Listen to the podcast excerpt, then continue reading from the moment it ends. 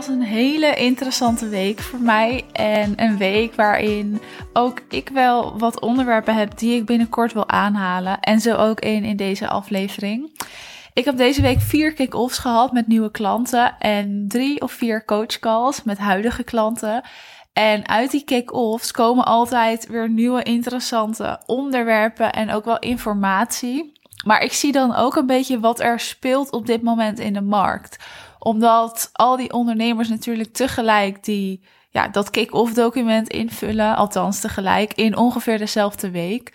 En het zijn wel verschillende onderneemsters, maar ja, ze zijn er ook. En ze zijn ook in deze markt. Net als dat jij in deze markt bent. Eh, überhaupt de markt van de onderneemsters. En dan heb ik het dus over vrouwen ook. En daarin is het voor mij dus best wel interessant om te zien wat ze invullen. Want ze vullen een aantal vragen in, ook over hun eigen bedrijf, maar ook over een huidige inzet van hun strategie en nou, doelgroep, aanbod, überhaupt hoe ze erin staan, eigenlijk over van alles. Maar ze vullen dus ook een vraag in wat gaat over de concurrentie. Normaal wordt daar best wel redelijk antwoord op gegeven. Mensen zijn er wel altijd terughoudend in. Maar ze zetten er vaak wel wat namen bij of zijn zich bewust van de concurrentie. En deze week heeft iedereen erin gezet dat ze niet geloven in concurrentie. En dan zetten ze er ook geen namen bij. Nu is dit natuurlijk niet fout. Maar ik vond het wel heel interessant dat dit zo gebeurde deze week. En dat dus ook letterlijk iedereen dat deed. Volgens mij had een enkeling wel een naam erbij gezet. Dus een kleine nuance daarin. Maar zo goed als iedereen had dus erin gezet. Ik geloof niet in concurrentie.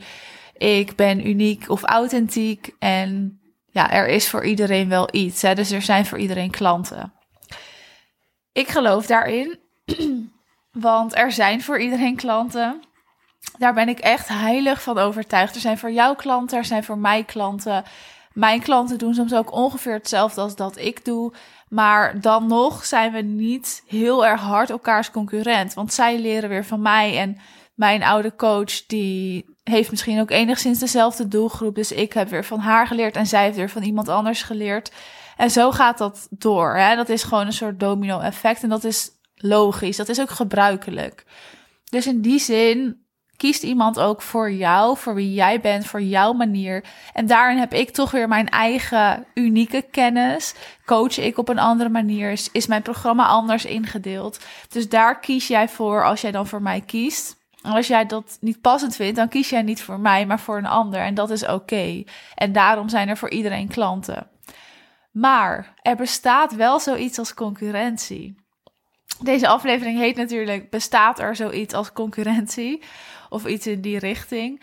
En ja, tuurlijk, er bestaat zoiets als concurrentie. Want je kan wel zeggen: er zijn geen concurrenten, want er is voor iedereen wat. Maar dat is niet hetzelfde. Er is voor iedereen wat. Dus er zijn voor iedereen klanten, dat is één. Maar dat betekent niet dat er dus geen concurrentie is ondanks dat jij anders bent of een bepaalde doelgroep wil uittrekken of je eigen werkwijze hebt of je eigen unieke expertise, betekent dit niet dat er geen concurrentie is. Er is altijd concurrentie. Nu hoef je dat dus niet te gaan ervaren als harde concurrentie of daar moeite mee te hebben of bang ervoor te zijn dat nou ze klanten afpakken, als je het zo wil noemen.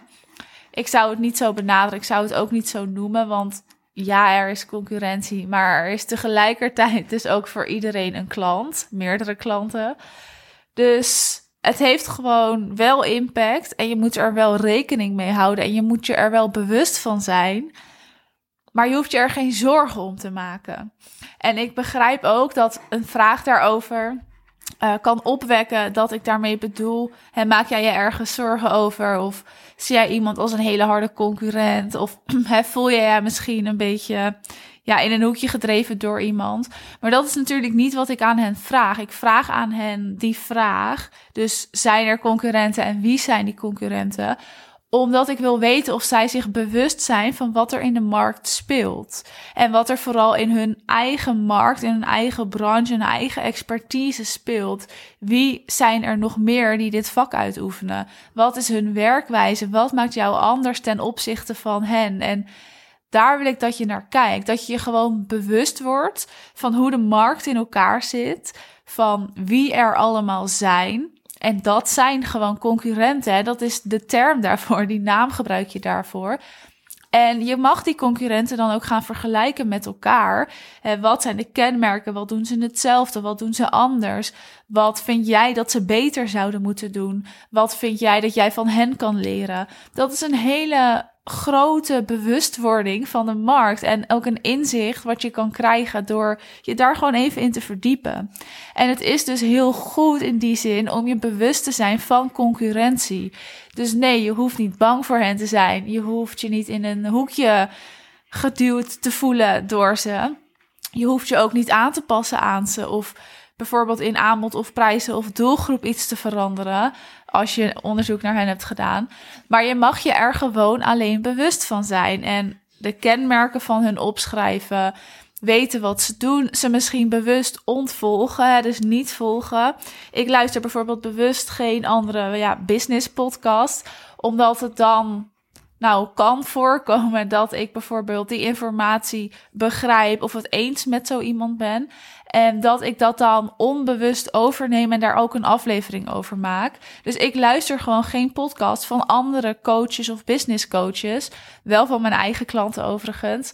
Maar dat doe ik natuurlijk ter voorbereiding, ter feedback, ter gewoon, ja, dat ik me gewoon inlees en dat ik alles weet van mijn klanten. Maar niet van coaches die niet mijn klant zijn. Ook niet van business coaches. Wel van mijn eigen coach natuurlijk. Ik heb nu geen coach, maar toen ik die had wel. Want dat is echt een heel mooi verlengstuk op een samenwerking. Dus dat raad ik je ook aan om te doen. Ik had het daar toevallig laatst in een coachcall ook over. Zij zei ook, ik vind het heel fijn om juist die podcast ook van jou te luisteren. Want dat is echt een mooi verlengstuk op onze samenwerking. En dat is natuurlijk ook zo. Maar goed, concurrenten dus, ja, ze zijn er. En je mag je daar bewust van zijn. Schrijf ze maar een keer voor jezelf op. En schrijf eens op, wat doen ze goed? Wat kan ik van ze leren? Wat kunnen zij van mij leren? En hoe ben ik dan anders ten opzichte van al die andere concurrenten?